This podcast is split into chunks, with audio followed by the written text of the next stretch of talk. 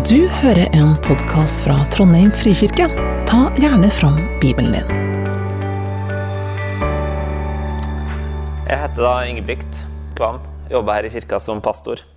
Og um, temaet i dag er valg basert på frykt eller muligheter. Eller valg som er drevet av frykt eller muligheter. Jeg skal begynne å undersøke litt de tingene som ligger bak de valgene vi tar, og hva som driver oss. Og Da skal jeg ta utgangspunkt i et uh, kjent kapittel i Bibelen og holde meg der. Så en liten quiz. Uh, og det er andre bok, nei, første Samuels bok, kapittel 17. Er det noen som vet uh, hva som står der? Hvilken historie?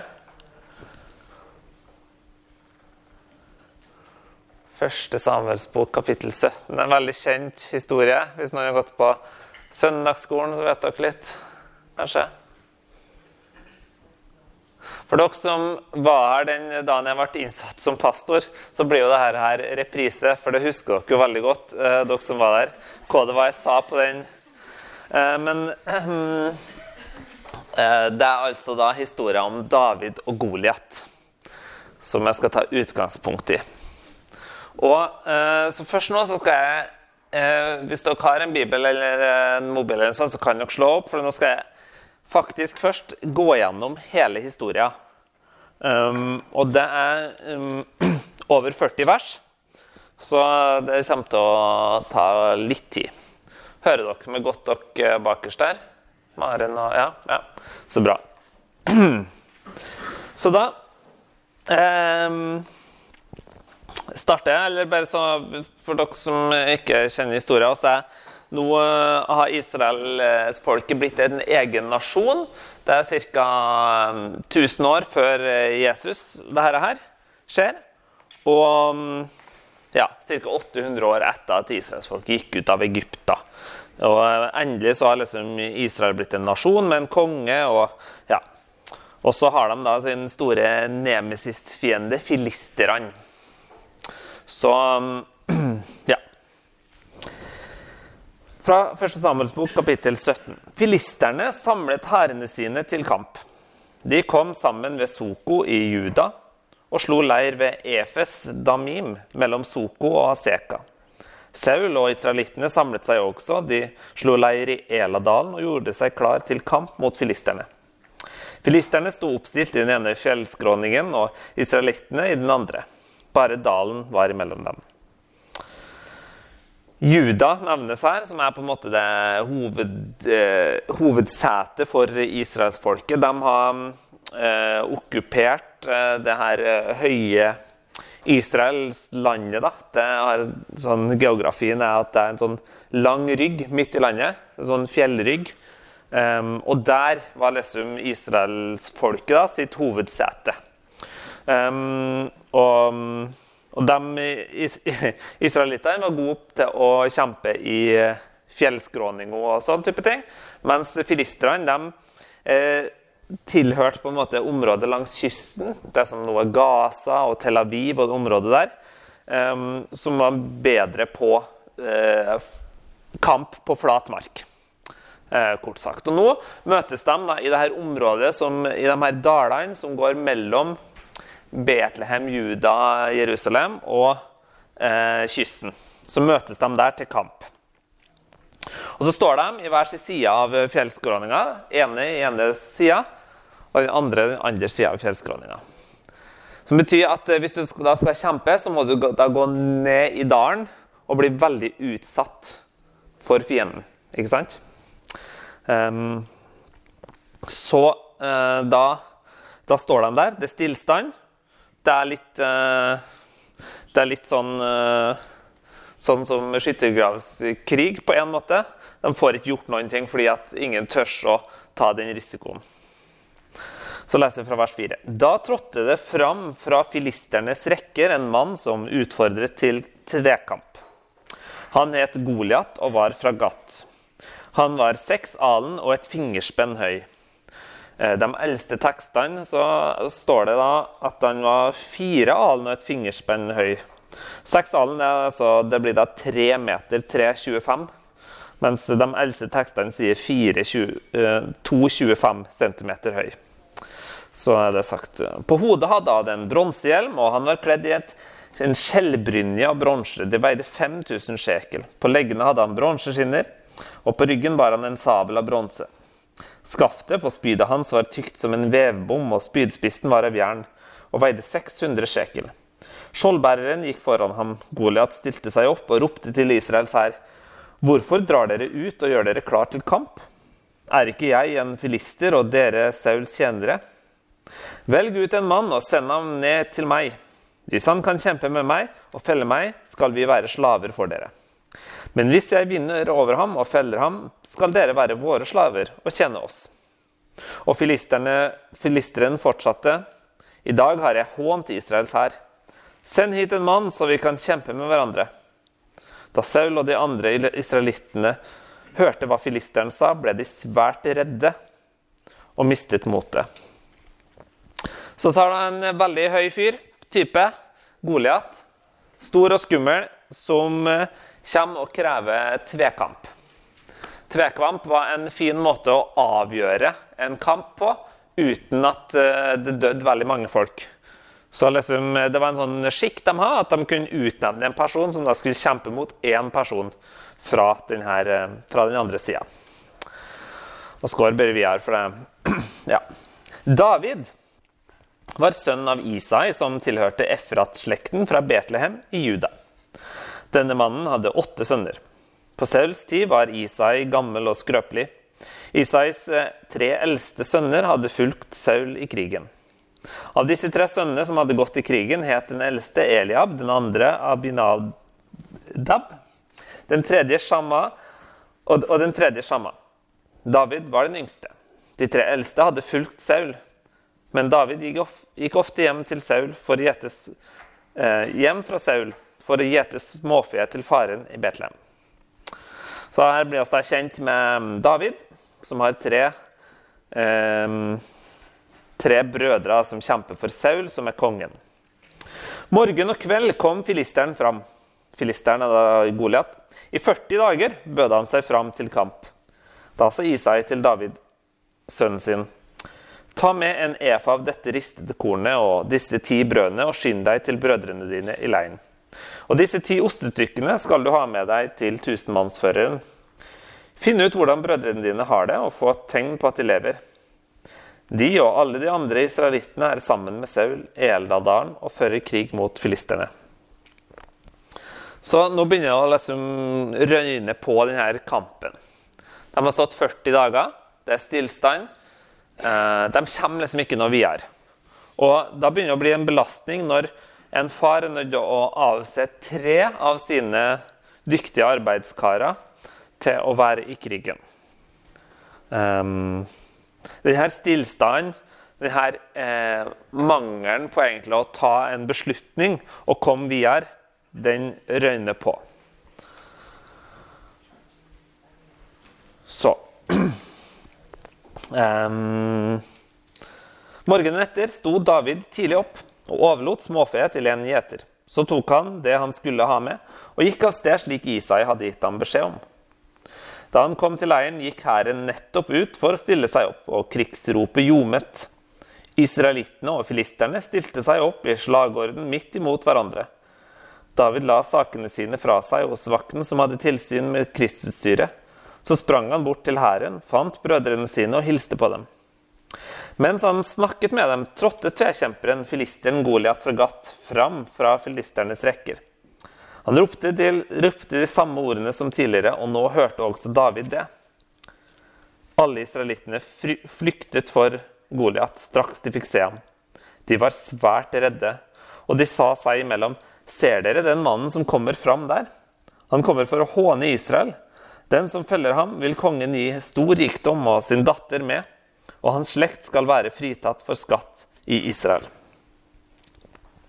David spurte de, de mennene som sto sammen med ham, hva var det han skulle få, den mannen som feller filisteren og tar en slik vanære bort fra Israel? Hvem er han, eller denne uomskårne filisteren som våger å håne den levende Guds hær? Folket gjentok det som var sagt. Så David oppdager, ser han her store kjempen, så oppdager han at det er en belønning i enden for å kjempe mot den, hvis han vinner. Hvis ikke så vil det òg være konsekvenser ved å tape. For det første så vil han dø, og for det andre så vil israelsfolket ende som slaver. Um, så um, Der jeg hopper litt videre til vers eh, 32. David sa til Saul, altså kongen, ingen må miste motet. Din tjener, altså jeg, skal gå og kjempe mot denne filisteren. Men Saul svarte, du kan ikke gå mot filisteren og kjempe med ham. Du er jo bare unggutten, og han har vært kriger fra ungdommen av. Da sa David, din tjener har gitt småfe for sin far. Kom det da en løve eller en bjørn og tok et fe fra flokken, sprang jeg etter den, slo den og rev feet ut av gapet på den.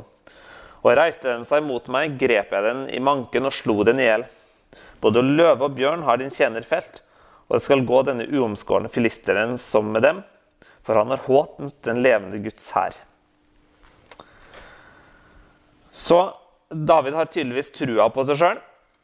Og argumenterer for at han skal få lov til å angripe. Så mm, Ja, så godtar David det.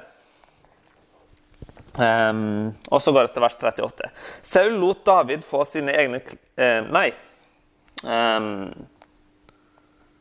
ja.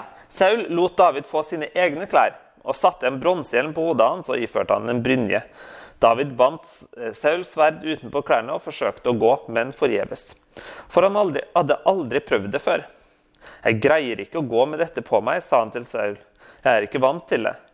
Så la han det av seg, og i stedet tok han staven sin i hånden og valgte seg ut fem glatte steiner fra elveleiet og puttet dem i gjetervesken som han bar over skulderen. Slyngen hadde han i hånden, og så gikk han fram mot filisteren. Um, Imens kom filisteren nærmere og gikk nærmere, eh, nærmere og nærmere David, og skjoldbæreren gikk foran ham. Da filisteren så fram for seg og fikk øye på David, fnyste han foraktelig av ham. For David var jo bare unggutten, rødkinnet og vakker å se til. Tror du jeg er hun, du, kom, siden du kommer mot, mot meg med kjepper? ropte filisteren til David. Og han forbannet David ved sine guder. Kom hit til meg, sa han, så skal jeg gi kjøttet ditt til fuglene under himmelen og dyrene på marken. David svarte, Du kommer mot meg med sverd, spyd og sabel, men jeg kommer mot deg i navnet til Herren over herskarene, Han som er Gud for Israels hær, Han som du har hånt. I dag vil Herren gi deg i min hånd. Jeg skal slå deg i hjel og hugge hodet av deg, og like ditt og likene til fra filisterherren skal jeg i dag gi til fuglene under himmelen til villdyrene på jorden. Så skal hele jorden forstå at Israel har en gud. Og alt dette folket som er samlet, skal forstå at det ikke er med sverd og spyd Herren gir seier. Det er Herren som råd, rår for krigen, og han skal gi og overgi dere i våre hender. Da filisteren begynte å bevege seg mot David igjen, sprang David raskt fram foran hæren for å møte ham. Han stakk en hånd ned i vesken, tok opp en stein, den slynget han ut, så den traff filisteren i pannen. Steinen gikk dypt inn i pannen hans, og han stupte med ansiktet mot jorden. Slik vant David over filisteren med slynge og stein. Han felte filisteren og slo ham i hjel, enda han ikke hadde noe sverd i hånden. David sprang bort til filisteren, tok sverdet hans, dro det ut av sliren og drepte ham. Så hogg han hodet av ham.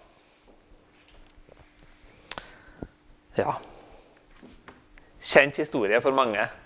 En del eh, Ja. Men eh, jeg bestemmer meg for å ta hele, fordi det er en del detaljer i denne historien som oss mister. Og hva har dette her med valg å gjøre? Hva har det med valg drevet av frykt eller muligheter? Fordi mens de andre er lamslått av frykten, så kommer David med et helt annet perspektiv. Det er tydelig at han ser noen muligheter her som ikke de andre ser. Og han gjør dette her av to grunner. Han velger å gå til kamp av to grunner. det sier han. Den første grunnen er, som det står i vers 26, hva var det han skulle få, denne som felte filisteren? Det er tydelig at det er en belønning i enden her. Han vet det er noe han kan oppnå sjøl. Men så minst like viktig så stiller nå spørsmålet hvem er han vel? Denne uomskårne filisteren som våger å håne den levende Guds hær. Så det er både egeninteresse, på en måte. Her kan en vinne noe. Men så er det òg lydighet til Gud og ønske om å forsvare sitt folk. Så han ser noen muligheter. Men så er det òg sånn at det fins to to måter å se på muligheter når vi står overfor et valg. Det ene er en god måte å se etter muligheter, og det andre er en dårlig måte. Den dårlige, det er den som vi kan gjerne kalle den syndige. Um, den dårlige er når vi først og fremst ser muligheten for vår egen vinning. Når våre ambisjoner eller våre lyster, våre lengsler, skal tilfredsstilles. Det ligger nokså naturlig for oss, og vi har jo fått ambisjoner fordi at vi skal ha et driv. Men det er en skummel vei å gå ned når oss eh, skal prøve å tenke ut alle konsekvenser sjøl og prøve å oppnå det her resultatet som oss har sett for oss. Det kan ofte ha fatale konsekvenser. Og det er to ord som vi ikke bruker så mye lenger, som beskriver det her hjertelaget. Eh, beklager nå, Marius. Det ene er havesyke. Og det andre er gjerrighet. To ord som vi egentlig ikke bruker lenger. Havesyke og ærgjerrighet. Som handler om hjertelaget vårt. At oss ser et eller annet resultat, og ser noen muligheter som oss har lyst på, og så driver oss oss sjøl mot dem. Og fester blikket på det. Det er på en måte den dårlige måten å se etter muligheter på. Fordi det er oss som har tenkt ut alle konsekvensene på egen hånd. Noen eh, definerer synd, og så snakka litt om det tidligere også i vår, synd som gode lengsler forsøkt dekt med feil middel. Gode lengsler forsøkt dekt, møtt med feil middel. Og så fått en naturlig lengsel etter å utrette noe. Når vi begynner å gjøre det for vår egen vinning og for oss sjøl, så prøver vi å dekke den lengselen med feil middel. Og Det går ofte på bekostning av andre og oss sjøl. Vi vil ha et resultat, og vi vil ha det nå. Men så er det og en annen måte å se på mulighetene, og det er den mer tillitsfulle. Det er den drevet av et helt annet perspektiv. Det er drevet av noe oss ikke ser. Og Vi ser at det, det, er noe i andre enden. Det er noen muligheter her, men vet ikke helt hva det er. Det er ikke jeg som har definert det. Og På samme måte så skjer det her for David. Nå eh, tilpasser jeg litt, kanskje. jeg vet ikke. Men David har ikke alt 100% klart. Han vet ikke hva som blir helt resultatet. Men han vet at det er noe som er der fram. Og sånn er det òg i Bibelen at Gud har lovd oss at det er noe å hente på å følge Han og ha sin vilje. Det er bare at vi får veldig sjelden se så veldig langt fram. For oss har, oss har veldig behov sant, for å se liksom hele, hele linja. Altså liksom behov for å se at liksom, ja, når jeg, når jeg, går på date med denne personen, her, så har jeg lyst til å se hele forløpet fram til, fram til oss er gift, og vi vite helt sikkert. Ikke sant? Men så er det liksom ikke helt sånn det fungerer. da. For at vi får bare ett glimt i gangen. Derfor så tror jeg at, da, at når det står i Salme 119, vers 105, så står det jo Um, ditt ord er en lykt for min fot og et lys for min sti. Det står liksom ikke at hele veien er opplyst for deg, så du kan se hele retninga. Du kan se alle konsekvenser framover. Nei, du må ha tillit. Når Gud åpenbarer, så åpenbarer han litt og litt og litt. Stort sett. Um, men så er det òg en tillitsfullhet i at det er at Gud han ønsker oss bare det beste. Og Det er jo en annen definisjon av synd. Synd er vår manglende evne til å tro at Gud bare ønsker oss det beste. Synd er vår manglende evne til å stole på at Gud kun ønsker oss det beste. Og Peter han var jo en disippel som ofra ganske mye for å følge Jesus. Og um, så stiller han spørsmålet til Jesus. Hva med oss? Vi har forlatt alt og fulgt deg. Det jeg sier Lukas 18, 28. Hva med oss? Vi har forlatt alt og fulgt deg.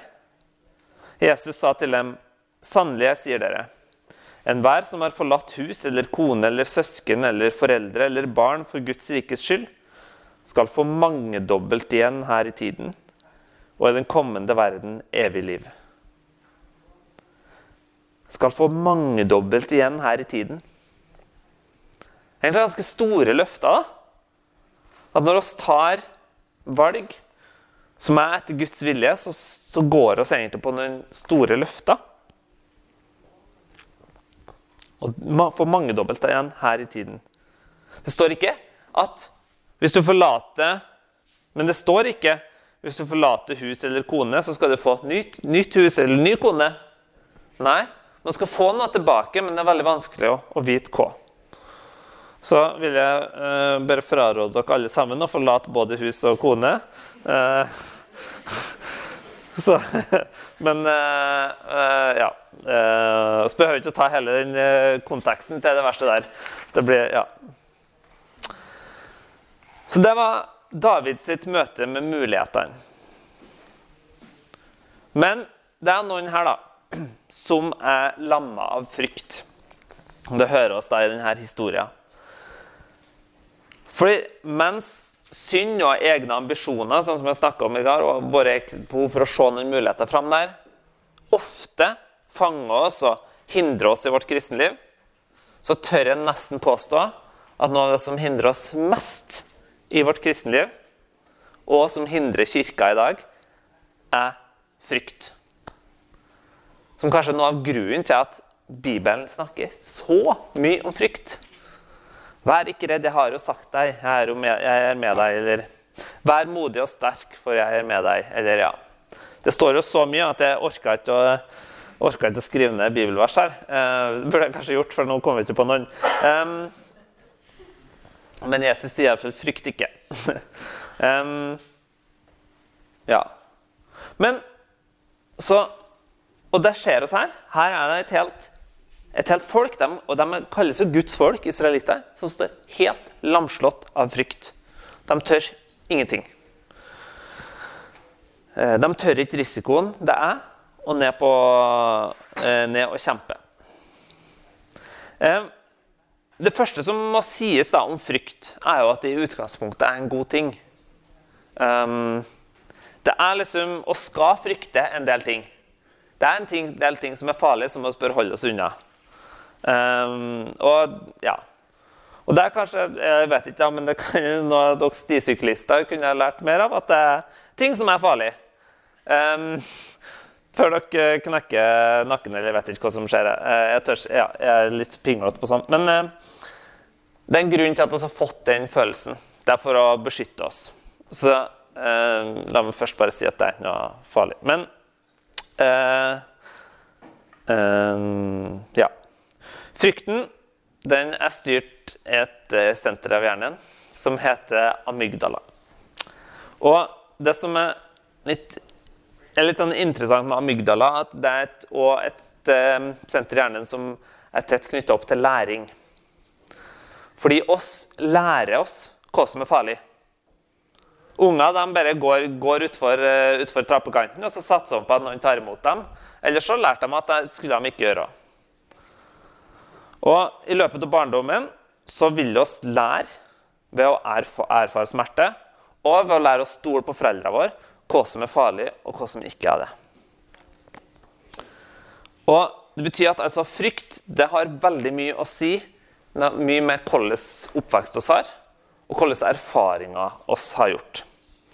Som òg gjør at frykten er lett å manipulere. For det er lett å spille på gamle erfaringer for å framprovosere frykt. Som gjør at eh, veldig mye av liksom, den eh, politiske propagandaen og alt det som vi lever av i dag, eh, er veldig sånn pinpointa inn mot å, mot å treffe fryktsenteret vår. For med en gang vi treffer fryktsenteret, så hopper vi tilbake til vår side av vår lille skyttergrav. Og så holder vi oss der og tenker at alle andre er idioter. Um, mm. Men noe av det vi frykter, er jo det ukjente. Vi frykter det vi ikke kan kontrollere. Og dermed så um, Ja. Men ofte i kristenlivet vårt så frykter oss ting som vi egentlig ikke har grunn til å frykte.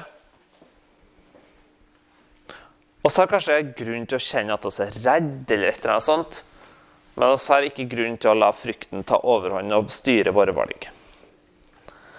Fordi at i valget mellom valg som har sin drivkraft i frykt, eller valg som har sin drivkraft i muligheter, så tror jeg at det fins en grunnleggende annen ting. Eller en annen mellomposisjon, eller en, en bedre vei. Som, og det er valg som er basert på tillit. For både frykt og synd eller egne ambisjoner og alt sånt, og de er jo ofte godt blanda i hverandre, går tvert imot det jeg mener bør være vår grunnposisjon når vi skal ta valg i kristenlivet, nemlig tilliten til Gud. Tilliten til vår far. Sånn som barn trenger å ha tillit og lære seg tillit til sine foreldre for å ta gode valg, og for å eh, ikke bare liksom unngå det ubehagelige, men òg våge å erfare at det ubehagelige funker. Det går bra når det er litt ubehagelig. Ok, Nå blir det jo veldig sånn teoretisk. ikke sant? Altså, men hvordan kommer vi oss dit? At liksom valgene våre, de store, de små De gangene oss uh, velger å slutte i jobben for Eller de gangene oss gjør det. De, gangene um, de som slutter i jobben for å gå en annen retning fordi de opplever at det er å være lydig til Gud eller å stole på ham. Hvordan kommer vi oss dit? At vi tar de her små og store valgene. Og Da skal jeg gå tilbake til David. David møter umiddelbart skeptikere. Og det vil oss alle sammen erfare når vi står overfor store eller små valg som, som som ikke virker på en måte fornuftig ut ifra dagens standard. At vi møter noen skeptikere. Han møter en skeptiker fra sjefen eller omgivelsene. Saul har ikke noe trua på han. Han eh, Saul, som i tillegg nevnes å være et hode høyere enn alle andre, som egentlig burde ha kjempa den kampen, han har ikke noe trua på, på David. Han syns han virker for liten. Brødrene hans har ikke noe trua på han. Nå hoppa jeg over det partiet her, for det er ganske langt. Men de har tydelig ikke noe trua på han. Men ikke minst så har ikke fienden noe trua på han. Og fienden prøver, eh, Goliat prøver å, å eh, slå ned med å si ting og si ting. Og, ja. Og dem som har tatt store valg i livet, kan kanskje erfare, erfar nettopp det. At det er en del stemmer som taler imot oss. Eh, de kan jo være interne. De kan være eksterne. Fra venner og familie som prøver å hindre oss. Eller fra samfunnet rundt, eller et eller annet. Um, men David våger å bryte med dem. Og Jeg tror det er flere grunner til at han gjør det. og det En av dem er at David kjenner seg sjøl. Han forteller om eh, hans erfaringer fra kamp med dyr. Han vet litt hvor sine grenser går.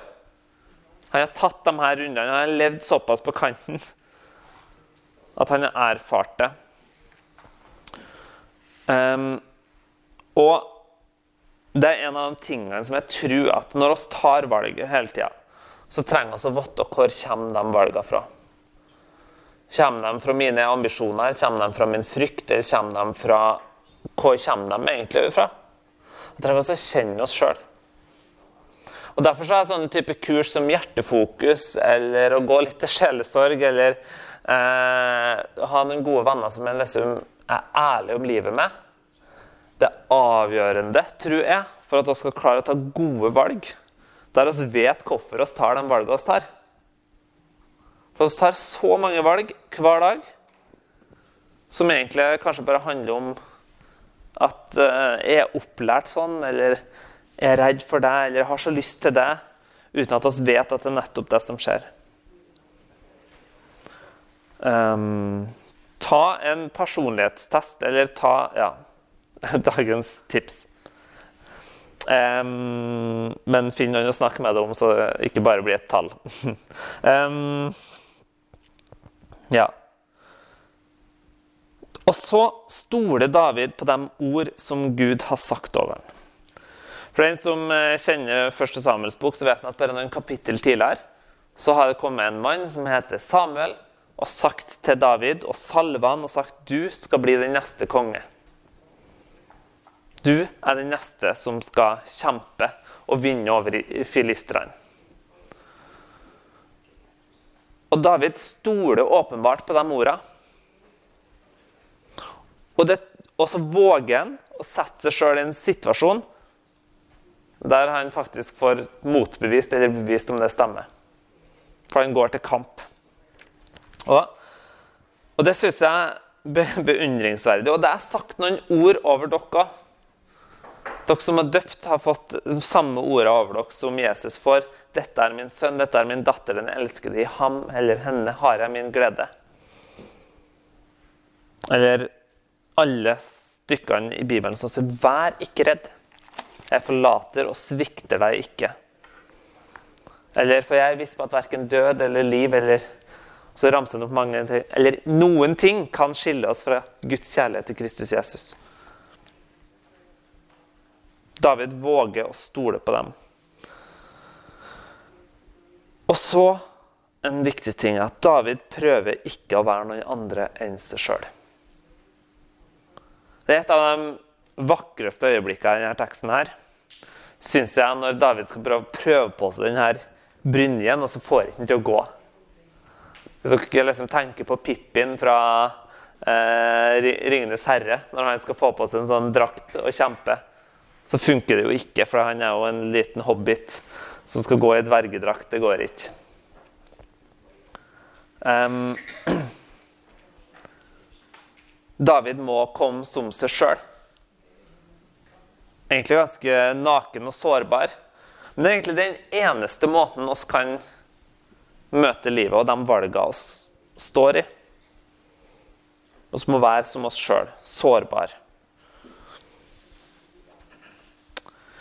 Det foregår hele tida en kamp inni oss alle om sannheten.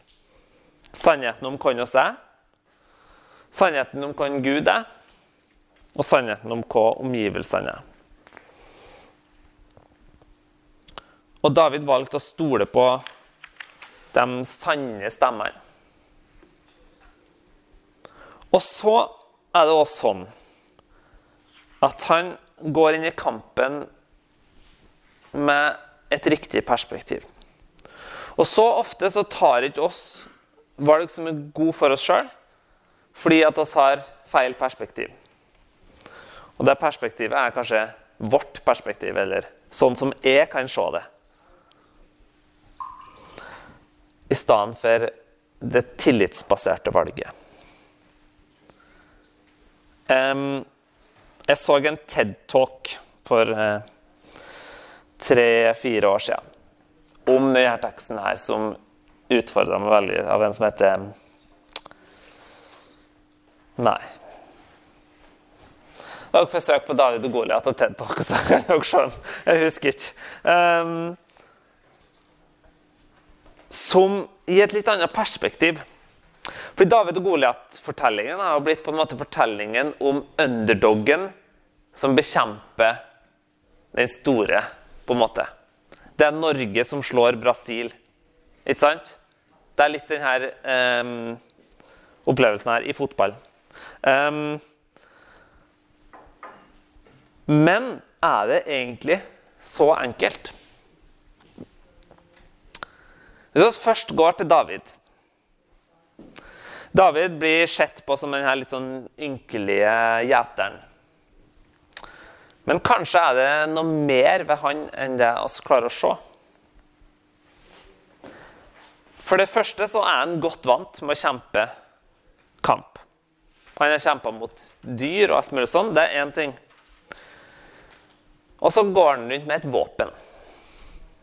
Slynge. Noen ser kanskje for seg en sprettert. Men en slynge det var et mye mer eh, interessant våpen enn oss aner. Eh, jeg drev og søkte opp noen YouTube-filmer, noen jeg så, og da så jeg en som, på, som, ikke var noe godt trent, som klarte å kaste en stein eh, med en sånn slynge gjennom ei kryssfinerpate. Lett som bare det. Ei slynge var et dødelig våpen som kunne kaste stein i flere hundre kilometer i timen. Og en stein som da er um, så stor som det her ca., som fyker gjennom lufta i flere hundre kilometer i timen, har dødelig um, har dødelig, uh, dødelige hensikter. Så når det står Han strakk hånden ned i vesken, tok opp en stein, den slynget han ut så den traff filisteren i pannen. Steinen gikk dypt inn i pannen hans så skjønner vi at han går ut med et veldig dødelig våpen. Som var veldig mye brukt i slagmark, og som har en veldig stor presisjon. Um, historiske kilder forteller om mennesker som klarte å treffe flyvende fugler med sånn her. Så uh, det er et heftig våpen å snakke om. Um, og han her Goliat han har jo forberedt seg på nærkamp. Han står med brynje og, og hele pakka. ikke sant? Eh, og sånn. Men David han går ikke i nærkamp. Han går til kamp på den måten som han er skapt.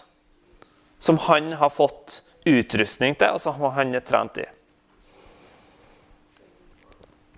Så David Det er mye mer med han. I tillegg så er han salva av Gud. Han er kalt til å være konge.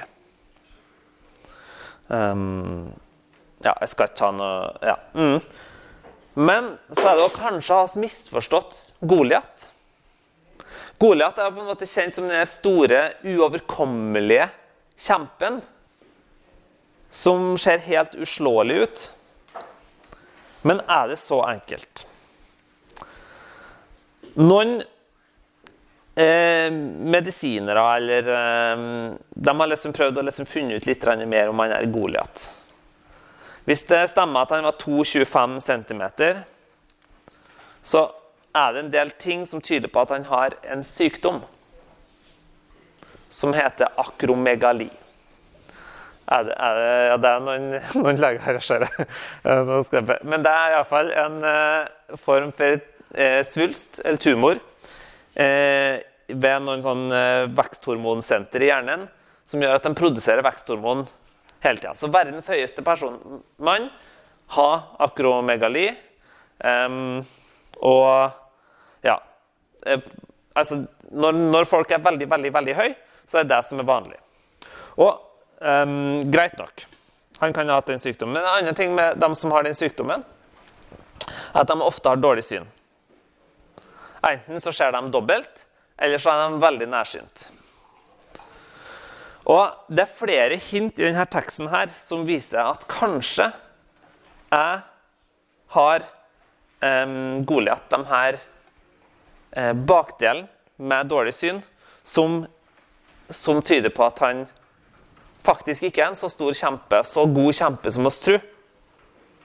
Fordi han sier 'Tror du jeg er en hund?' Siden du kommer mot meg med kjepper. Det er egentlig en litt interessant utsagn. Og, og, teksten er tydelig på hebraisk, og der står 'kjepper'. Men, nei, men, men eh, han godeste um, David, takk, han, han har ikke en kjepp i hånda. Han har, en, uh, han har jo en slynge. Og han har iallfall ikke to av dem. Kanskje han med seg staven, men han har fortsatt ikke to kjepper. Og så sier han, 'Kom hit til meg', sier Goliat. Så Goliat er helt avhengig av å få for at han skal vinne denne kampen.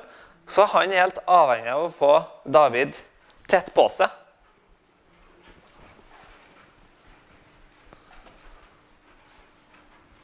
Sånn at møter, Her er egentlig to forskjellige krigsmetoder som møtes. Det er bare at den ene har en smartere metode. Han ene han har dårlig syn og er i tillegg eh, beinskjør. Ja, beinskjørhet er en vanlig ting med akromegali, som gjør at han det her, å, det her ser ikke så farlig ut som det Nei, det er ikke så farlig som det ser ut. David står egentlig overfor en kamp som er mye lettere enn de er uttrykk for. Bjarte. I vers 40 så står det at eh, han tok staven sin i hånden. Ja. ja. Jo, han har med seg staven. Er det kjeppen? Det er kjeppen, men det er ikke flere kjepper. Mm. Um, så um, ja. Men det er iallfall noen som hevder det. Eh, og så kan en alltid liksom, eh, stille spørsmål om jeg skal drive og liksom, gi diagnose til folk eh, 3000 år etter de var døde. Um, men kanskje kan det iallfall gi oss et litt nytt perspektiv på de utfordringene som oss står overfor.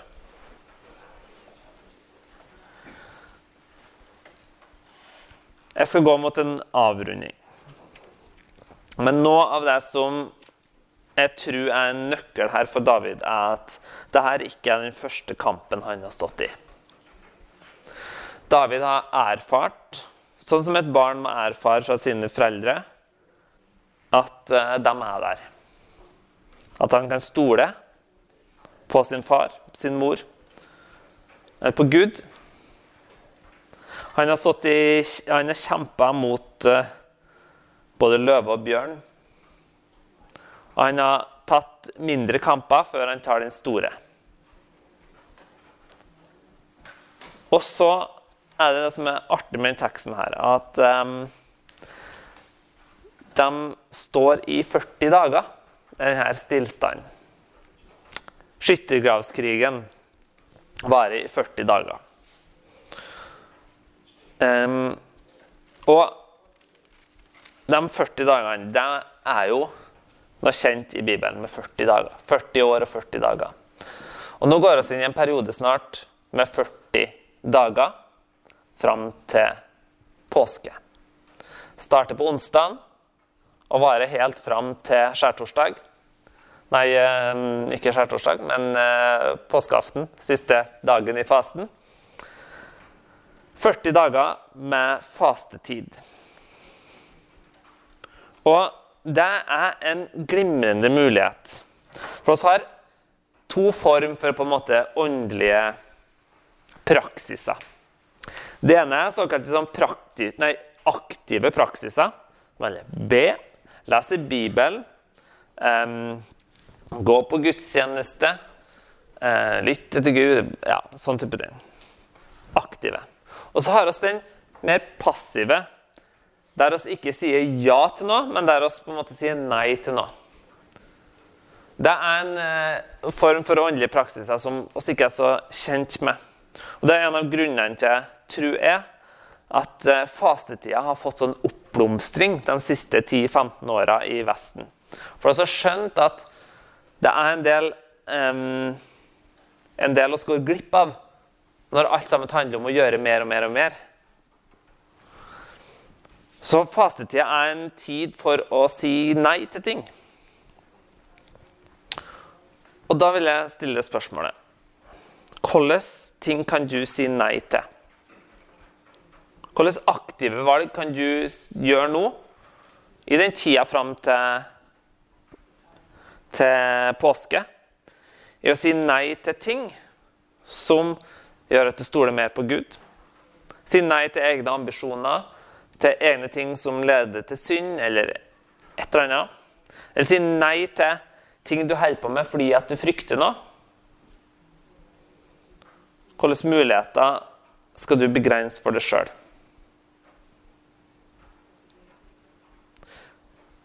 Det er en god øvelse å bruke fastetida på nettopp det å ta noen sånne små valg som gjør at vi lærer oss å stå, liksom tenke at det gikk bra å gå tolv timer uten smarttelefon per dag. Å ja. Det går bra å ikke spise og ikke drikke kaffe. Så jeg øver sjøldisiplin på det. Det går bra. Og å ta pause fra en eller annen ting som tar veldig mye tid. For å ja.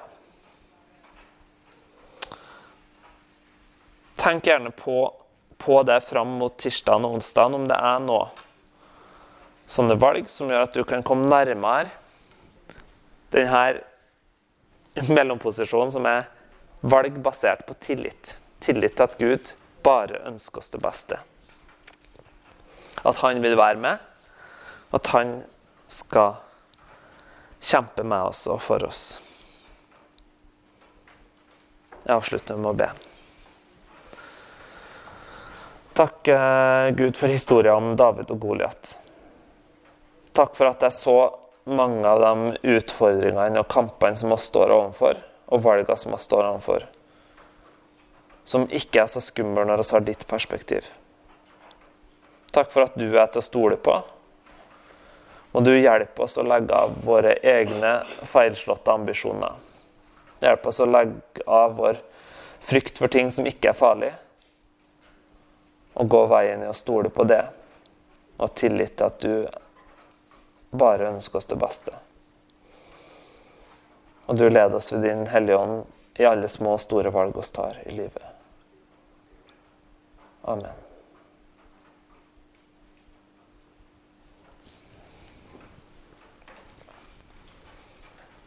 Takk